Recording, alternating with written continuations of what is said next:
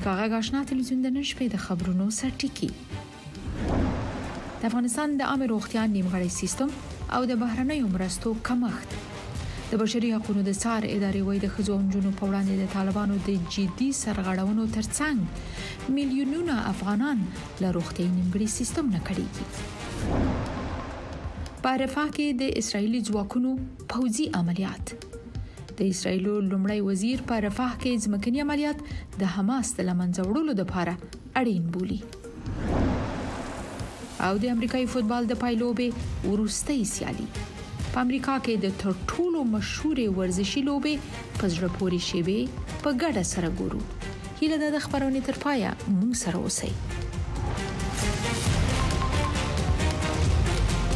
قدرمنو لیدونکو سلام نن دوشنبه ده د سلواغې درويشتمه نیټه او د 2023م کال د فبرवरी 12مه زه خایسته سعادت لامیم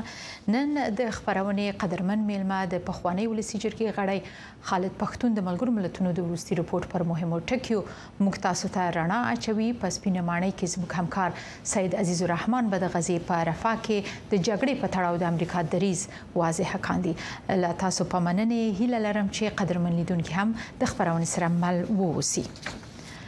د متحده ایالاتونو ولسمشر جو بایدن نن د اردن له پاچا عبدالله سره په سپینې ماڼۍ کې لیدنه کوي د دواړو مشرانو ترمنځ دا لیدنه په داسې حال کې ترسره کیږي چې په غزې کې د اسرایلي ځواکونو روان پوځي عملیاتو د ملکي وګړو د مرګ ژوبلې په اړه اندېښنې زیاتې کړې دي د نننۍ لیدنې په تړاو به نور جزئیات د خپل همکار سید عزیز الرحمن نه ترلاسه کو چې همدا اوس د سپینه ماڼۍ لمخې په پروګرام کې موږ سره مل شوی دی ستړي مشي په خیر راغلی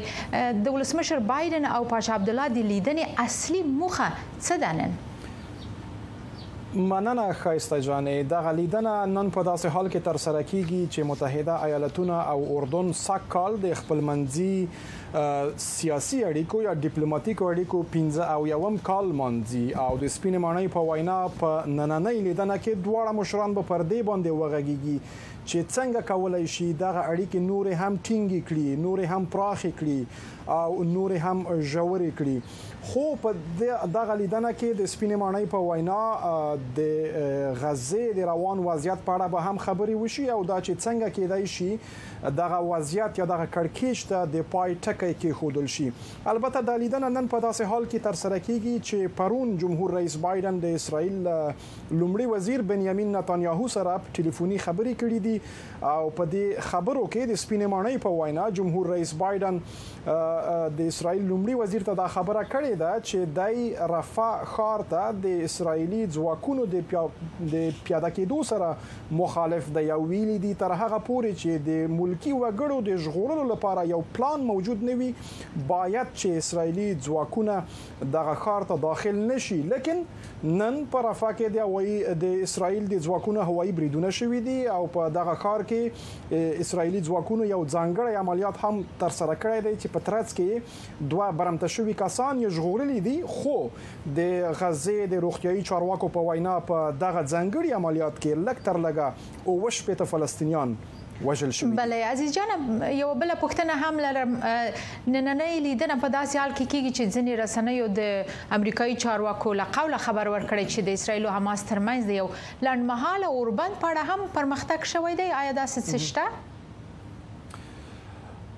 د یو امریکایي چارواکي په وینا پرون کومې خبرې چې جمهور رئیس بایدن د اسرایل له لومړي وزیر سره کړې دي نو د دغو خبرو زیاتره برخه په امدغه موضوع باندې یعنی د اوربند په موضوع باندې او په یو احتمالي موافقه باندې څرخېدلې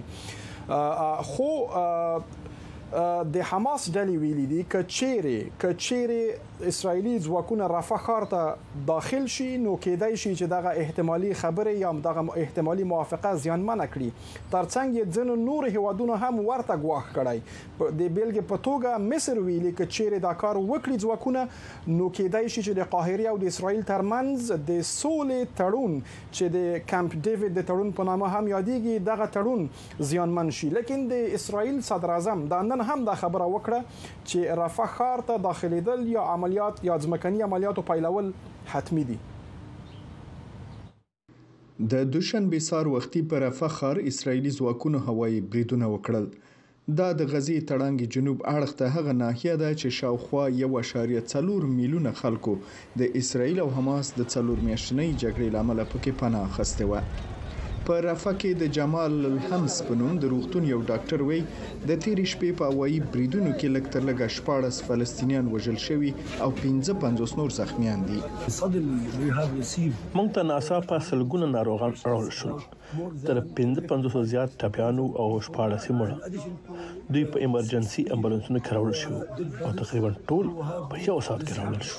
څو ورځې تر هغې وروسته چې د امریکا جمهور رئیس جو بایډن په غزه کې پوځي عملیات تر حد زیات وبلل،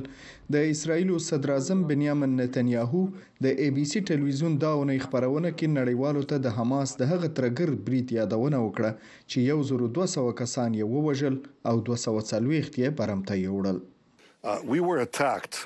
پر موږ د اکتوبر د میاشتې په اومه نېټه برید شوی و، دا ناڅاپي او وژونکی برید و. دا د هالوکاست له پېښې څخه وروسته په یهودانو تر ټولو بد برید و. اجازه راکړئ چې درته ووایم، موږ په داسې بڼه ځواب ورکړی چې په ترهګرو پسې به ورځو او هڅه به وکړو چې ملکي خلک بچ کړو، کوم چې ترهګرو پکې ځان پټ کړی او د انساني سپر په څېر یې کاروي. په غزه کې د حماس په واک کې صحي چارواکو ویلي چې په دې جګړه کې تر اوسه تر اته ویشت زرو ډېر فلسطینیان وژل شوي چې زیات یې ښځې او ماشومان دي. خو نتنیاهو دا شمېره نه مني او وایي، سره له دې چې د ملکي خلکو د خوندي ساتنې پلان لري، د هغه پوځ به په رفح کې ځمکنیو عملیاتو ته دوام ورکړي. برېټانیې، مصر او سعودي عربستان په دې اړه ډېره اندېښنه څرګنده کړې. هغه کسان چې وايي موږ باید په هیڅ حالت کې رفح ته داخل نه شو، اصلاً غواړي چې دا جګړه وبایلو او حماس ته اجازه ورکړو چې ژمنه یې کړې د اکتوبر د اوومې ډله ییزه وژنه به په وار وار تکرار کړي. د جګړې په جریان کې د دوشنبې په ورځ څو برمته اسراییلیان هم خوشې شول. د فرننډو سیمن میرمن په نوم د یو ژغورل شوي برمته کس خورزې د دوشنبې په ورځ ویل چې ټوله کورنۍ یې د تره او د مور د ملګري په بیرته ستنیدو ډیره خوشحاله شوې ده. زه د ټولو هغو خلکو نه مننه کوم چې د دوی په خوندي ساتلو کې یې هڅه وکړه او ویې ژغورل. د دوشنبې په سهار د اسراییلي ځواکونو د ژغورنې په عملیاتو کې دوه برمته اسراییلیان خوشې شو او د خپلو کورنیو سره یوځای شو. د جګړې له سیمې فلسطیني صحي چارواکو ویلي چې په دې عملیاتو کې لږ تر لږه پنځوس فلسطینیان وژل شوي دي چې ښځې او ماشومان هم پکې دي.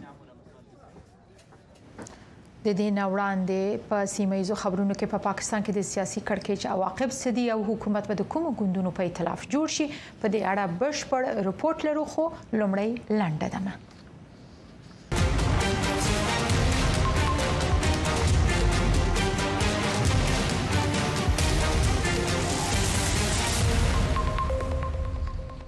خلمړی افغانستان د بشري حقوقو د څار سازمان په یو رپورت کې ویلي چې په دوه کې د افغانستان په اړه د ملګرو ملتونو په غونډه کې باید د دغه هیواد روغتيایي سیستم ته جدي پاملرنه وشي او په طالبانو فشار راوستل شي تر څو د میرمنو په اړه خپل ظالمانه لیدلوری بدل کړي دغه اداره په خپل رپورت کې له افغانستان سره د مرستو دوام غواړي او وایي چې له افغانستان سره د مرستو چټک کمښت کولای شي چې د میلیونونو افغانانو د روغتیا حق د ګواښ سره مخ کړي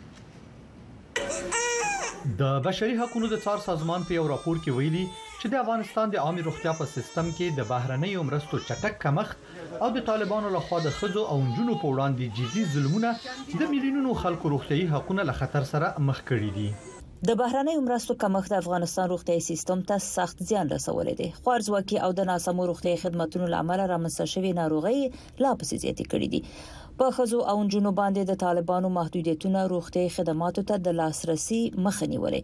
او روغتیا ته یې د هغوی حق له خطر سره مخ کړی دی. یاد اته دېرش مخیز راپور چې سرلیک یې د راتلونکي لپاره ناورین د افغانستان د عامې روغتیا بحران دی، وايي چې د بسپنه ورکوونکو لخوا د بشرپاله مرستو چټک کموالي روغتیايي خدماتو ته لاسرسی نور هم کمزوری کړی، اقتصاد یې بې ثباته کړی او د خوړو خوندیتوب یې خراب کړی دی او د طالبانو ظالمانه تګلارو او کړنو کړکېچ لا پسې خراب کړی دی. افغانستان هم د نړیوال روغتیايي سازمان یا WHO د غړیو هیوادو څخه دی یعنی هغه هیوادونه چی په WHO د هغی سره همکاری لری افغانستان هم پکی شامل دی نو نړیوال روغتیايي سازمان باید همیشه خپل مرستی په ټولو هیوادو کی بلخصوص په افغانستان کی جاری وساتی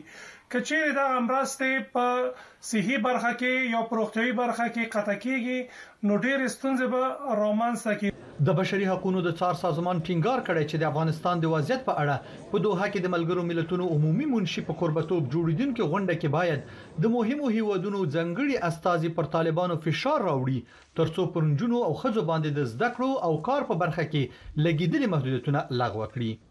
خو پوښتنه دا ده چې نړیوال کولی شي طالبانو باندې فشار راولي او ایا طالبان د میرمنو په اړه د فکر بدلون ته چمتو دي؟ که چیرته موږ وګورو د په طالبانو د کړنو نه په تیرو دوه نیو کالو کې دا واضح معلومه ده چې طالبان به هیڅکله دا خبره په داسې یو دغې سره ونه مني مګم د فشار لارې موجودې دي که چیرته اسلامي امارت باندې واقعا فشارونه راوستل شي ممکنه ده چې دوی د دغه شي او دې ته وادار شي د دوی وکړي د فشارونو لارې دا دي چې ګوري دوی تحریمونه پې لګوي چې سفر ته به نه شي تللی اما ګورو چې هغوی سفر ته اجازه پیدا کوي دوی باندې د هغه ګاونډیو په ذریعه چې پاک امریکا پاکستان په باندې ډیر یعنی موثر دی او افغانستان ورته محتاج دی دوی د باغې ذریعہ باندې د کولی چې فشارونه راوړي هغه فشار دوی تر نن نه دی راوړی ظاهر باندې دوی وایي چې د په اسلامي امارات باندې فشارونه راوړي دي مګم دوی فشار ته نه نه هغه څه چې لازمه ده نه دا وارد کړي او دا فشارونه نه داسې باید نه چې د بشري مرستو په اساس په بنیاد کې چې په هغه په ملت تاثیر واچي دا باید داسې فشارونه چې مختص به حساب ټکی متوجي دي اسلامي امارات د غټو وګړو ته د کورنۍ بهر دي د سفرونه کوي ټاکل شوې د ملګرو ملتونو په کوربه توب د روانې فبرورۍ د میاشتې په اتلسمه او نولسمه د قطر په پایتخت دوحه کې د افغانستان لپاره د یو شمیر هیوادونو ځانګړو استازو او نړیوالو سازمانونو د استازو دوه ورځینۍ غونډه جوړه شي. احسان لاریوزی، امریکا غږ، واشنګټن. په دې برسېره د ملګرو ملتونو د امنیت شورا د نوي رپورت پر بنسټ داعش په افغانستان کې د استخدام یو پراخه ستراتیژي ورکړې او لیکو ته د افغانانو جذب زیات شوی دی دا او نننې ځنې نورې مسلې د خبرونې قدرمن میلمه د پخوانی ولسی جرګې د غړي خالد پښتون صاحب سره څېړو چې موږ سره اوس مل دی ستړي مشه پښتون صاحب او مننه چې موږ سره په خبرونه کې یاست د ملګرو ملتونو د سرمنشي اتلسم رپورټ خپور شو هغه وایي چې داعش خراسان څنګه د طالبانو څخه خپه شوي غړي جذبوي او وایي په عملیاتو کې همکاروي ستاسو ارزونه څه ده او طالبان ولې دا ډله هیڅ ګواښ نه ګڼي متاسفانه شایسته جاني د 2021 کال د اگست د قدرت د تسلیمېدو نه بعد چې امارت اسلامي پر قدرت راغی متاسفانه دا بېره زموږ سره د افغانانو او د بهرني جامعې سره موجوده وه او په وار وار پر دې راپورونه نشر شوي دي. زه په دې هکله نه یوازې د افغانانو جذبېده تاییدوم، بلکې یو تعداد هغه ډلې او احزاب چې په تېرو شلو کالو کې له طالبانو په بغل کې وجنګېدل، لکه.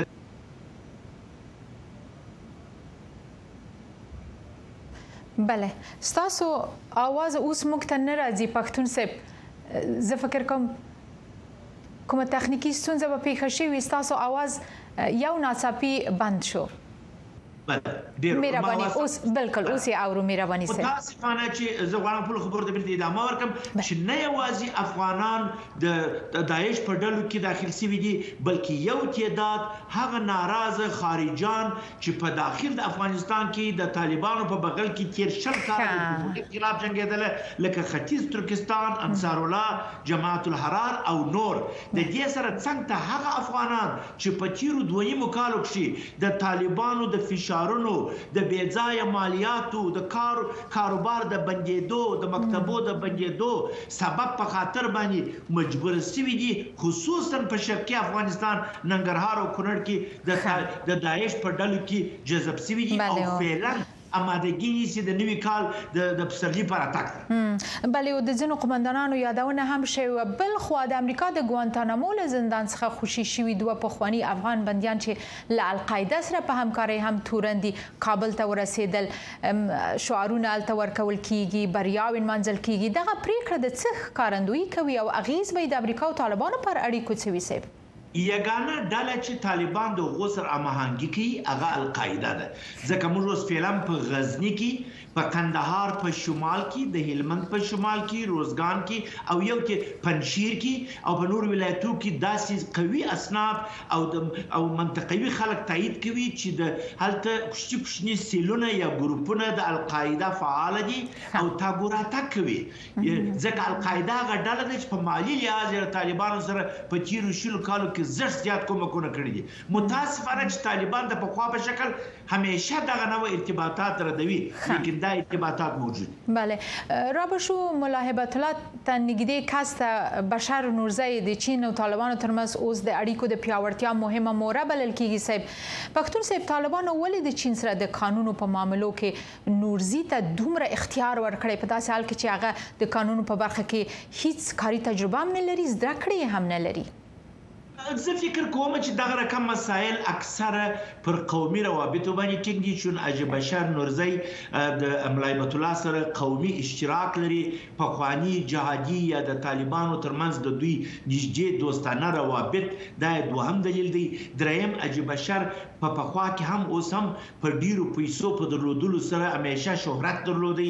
نو په دې اساس چین د دې موضوع څخه په استفاده یو غیر قانوني عمل اجرا کوي چې د یو سرپرست حکومت چې د خلکو په رایو د خلکو په اراده راغلی نه دی د هغو سره دا رقم قراردادونه کوي. نو دا په خپله د حکومتولۍ کمزوري نه ښيي ستاسو په نظر چې د بنسټونو پر ځای په یوه فرد باندې اتکا وشي او صلاحیت ورکړ شي؟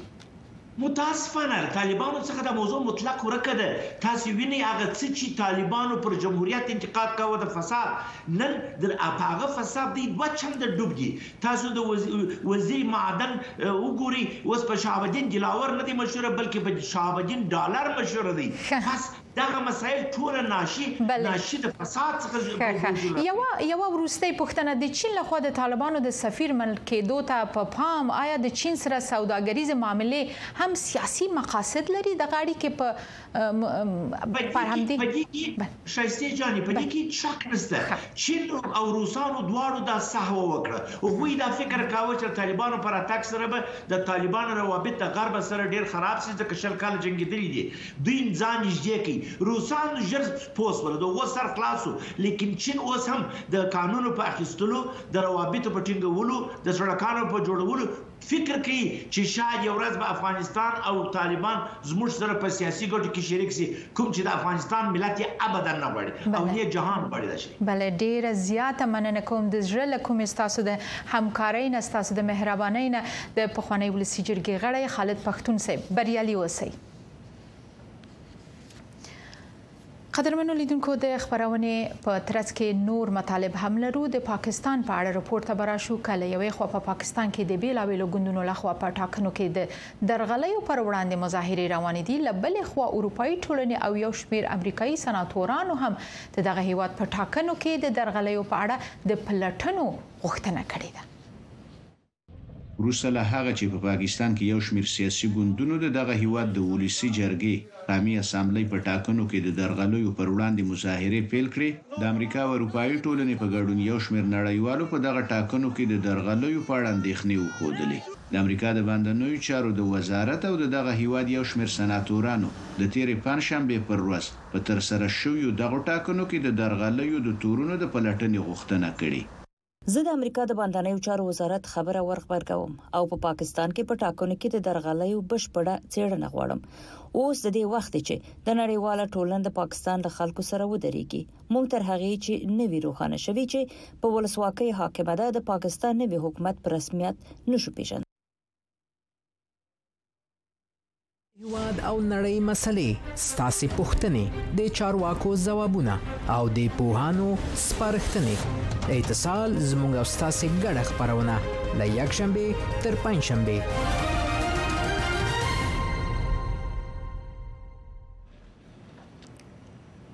د تخنیکی معذیرو لکبل زموږ معذرت ومنئ دغه رپورت په بیا هم کوښښ وکړو چې تاسو ته یې خپور کاندو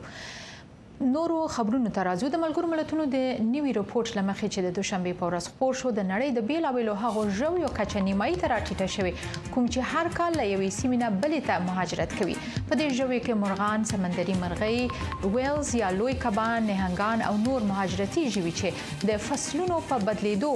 بیل چاپیریال ته حرکت کوي شامل دي رپورټ وایي چې دا ژوي د غیر قانوني ښکار کبنیونو د چاپیریال د ککړتیا او د اقلیم د بدلون لامل زیانمنېږي. بل پلو په نړۍ کې د ماراثون تر ټولو تیز ځغستونکی کیلبن کپتم نن په خپل پلرینی هیواد کینیا کې د موټر د ټکر په پیښه کې وژل شو د کینیا د پولیسو په خبره دغه څلویش کلن ځغستونکی په خپل موټر چلاوه او وروسته د هغه روانډي لارښود هم ورسره وژل شوی دی کپتم په نړۍ کې د ماراثون د تر ټولو تیز ځغستونکو سونکي ریکارد تیر اکتوبر هغه وخت جوړ کړ چې د امریکا په شیکاګو ښار کې د ماراثون دود 40.2 کیلومتره فاصله په 2 ساعته او 15 ثانیو کې ووهله تر دې اخوا د امریکا د فوتبال ملي لیګ د کلنیو سیالیو په پایلوبه یا سوپر بول کې پرون د کانساس ښار لوبډلې د سان فرانسیسکو لوبډلې ته ماتې ورکړه او دغه اتلولي یې وګټله دا د سوپر بول اته پنځوسمه لوبه و چې د نوادا ایالت په لاس ویګس ښار کې تر سره شوه د دې اتلولۍ د ګټلو لپاره هر کال د امریکا له لر او بر څخه دوه دیرش لوبډلې په خپلو کې سیالۍ کوي او د څو پړاوونو نه وروسته یوازې دوه تر ټولو غوره لوبډلې سوپر بول ته رسیږي د کانساس ښار لوبډلې تیر کال هم سوپر بول ګټلی وو قدرمنو لیدونکو مننه چې تر اوسه د امریکا غږ آشنا تلویزیون سره مل یاست په غزه کې بې ځای شوی فلسطینی کوچنیان چې لمیاشتو میاشتو جګړو څخه په تیښت دي په رفح کې د موقتی کورونو د پاسه البته دوی همالته ژوند کوي او شپې ورځې تیروي د رفاه د کډوالو پنډغالۍ د مصر سره پر پوله باندې هم پروت دی د رفاه د ښار په یو کونج کې د کډوالو لپاره جوړ شوی خارګوډي کې فلسطینی کوچینان وایي چې په کاغذ پرانو خپل ساعت تیروي موږ د لوبو خپل سامانونه خپل ملګری او خپلوان مو چې موږ ته ډیر ګران وو په خپل کلی کې پریخودل لکه څنګه چې اسرائیلیان خپلې الوتکې الوزوي، موږ به خپل ګوډی پرانونه والوزوو. د اسرائیلو الوتکې بریدونه کوي، زموږ هغه یې نه کوي. له هغه وروسته چې اسرائیلو د غزې پر تړانګه برید پیل کړ، د غزې ښوونیز سیستم سخت زیانمن شوی دی. په تېرو څلورو میاشتو کې شاوخوا درې سوه اته اویا ښوونځي ویجاړ او یا هم له منځه تللي دي. د فلسطین د ښوونې او روزنې وزارت د 4320 زده کوونکو، 211 ښوونکو او 98 استادانو د وژل کېدو خبرداری ورکړی. اوس د کاغذ پرانو الوزول رفعت د بېځایه شویو کوچنیانو د ساعتېرۍ نوې وسیله ده. ما پرون د ساعتېرۍ لپاره دا ګودي پران واخیستلو. موږ په یوه ښوونځي کې پناه اخیستې وه، هغه ښوونځی په نښه شو. نو مونږ د رفح ښارګوټي ته راغلو. ما دا ګوډي پران د دې لپاره واخیستلو چې د خپل تره زامنو سره لوبې پرې وکړم.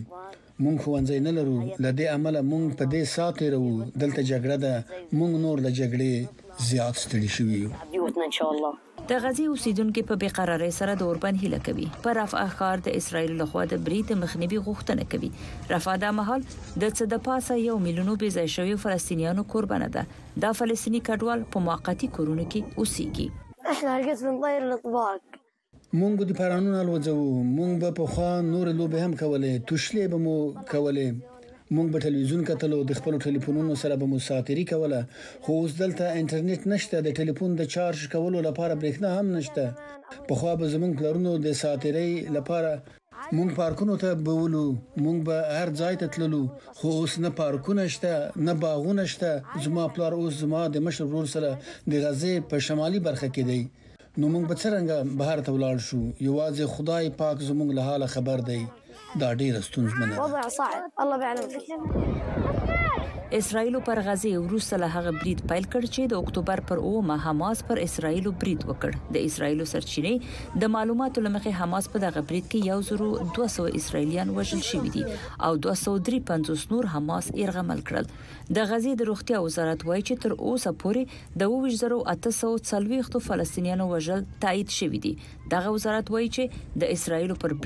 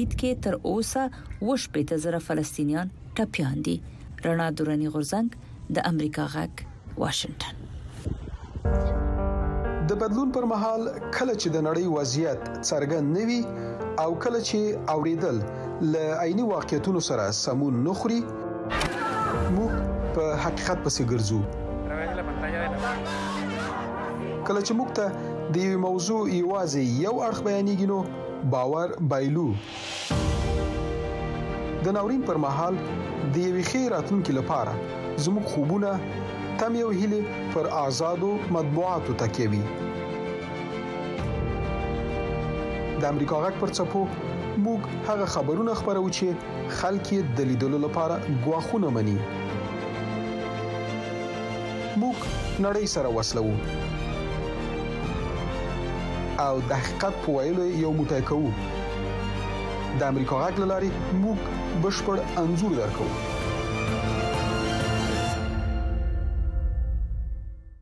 هیله ده چې د امریکا غږ بیلابېلې خبرونه وګورئ او وایورئ او اوس هم د کډوالو ژوند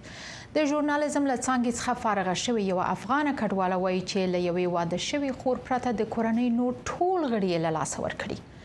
دغه ځوان جلې د مهال په اسلام آباد کې میشته ده زموږ همکارې مسکا ساپۍ په دې اړه رپورټ چمتو کړی دی. په یو کال کې دننه یې د کورنۍ څلور غړي له لاسه ورکړي او تر هغه مخکې یې هم یوه خور مړه شوې وه. اووه ویشت کلنه نرګس حسیني چې د اسلام اباد په یوه څنډه کې د یوې بلې افغانې کورنۍ سره ژوند کوي، وايي د طالبانو په واکمنۍ کې یې یوازیتوب د کډوالۍ لامل و.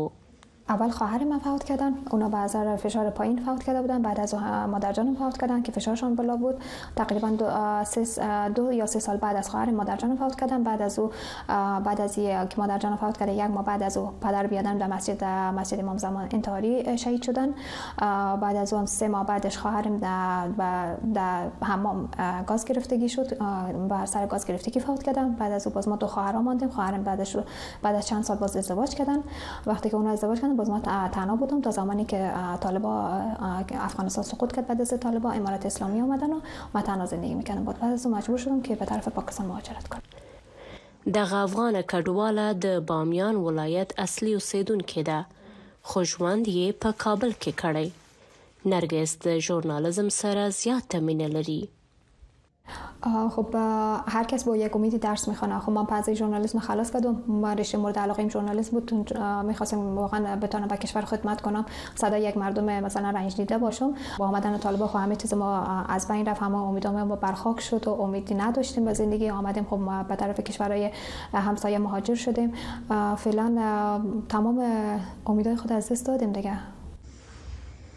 نرګس تمه لري چې دې او نورو همزولو سره یې مرسته وشي. مشکل ما این مصارف است که تهیه کردن مثلا مصارف است ما در اوایل یک خانم همراه ما همکاری میکردن از وزارت چی از ناتو یک خانم بودن همراه ما همکاری میکردن خب یک مقدار پیسه که مثلا با ما دادن تا من فعلا تونستم پیش خود نگاه نگاه کنم همون رو مصرف میکنم دیگه ولی بازم بر ما سخت است چون او پیسه رو به خلاصی است دیگه اینکه مثلا مصارف اتاق است مصارف گاز است بل برق است چی هست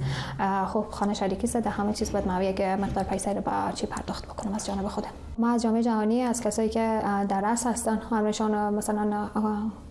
کمک همکاری میخوایم یک قشر بزرگ افغانستان فلج شده او خانم هستن تمام آرزوهای خود از دست دادن در خانه خانه نشین شدن کار ندارن و شرایط سخت و دشواری را سپری میکنن از این میخوایم که حمایت ما بکنن ما را به این حال نمانن ما بتوانیم دوباره برگردیم به گذشته. د نرګس په څېر داسې ډېرې نورې نجونې هم له افغانستانه وتلې دي او دا مهال په اسلام اباد کې له سختو کړاوونو سره مخ دي. موسکا ساپۍ، امریکا غږ، اسلام اباد.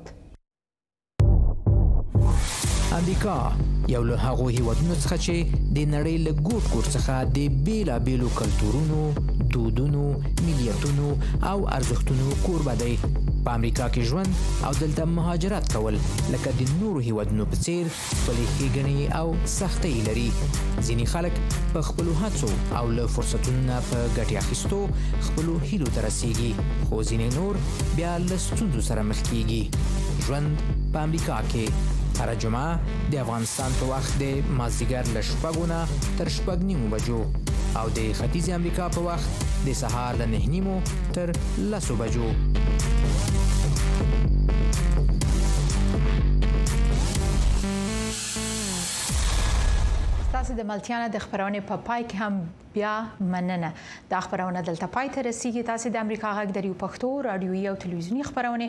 او د افغانستان سیمه او نړۍ په اړه خبرونه لیدلی شي او اوریدلی شي اوس زموږ د ری خبرونه پیلیدونکې ده نجیبه خلیل موږ سره په استودیو کې ده په خیر راغلی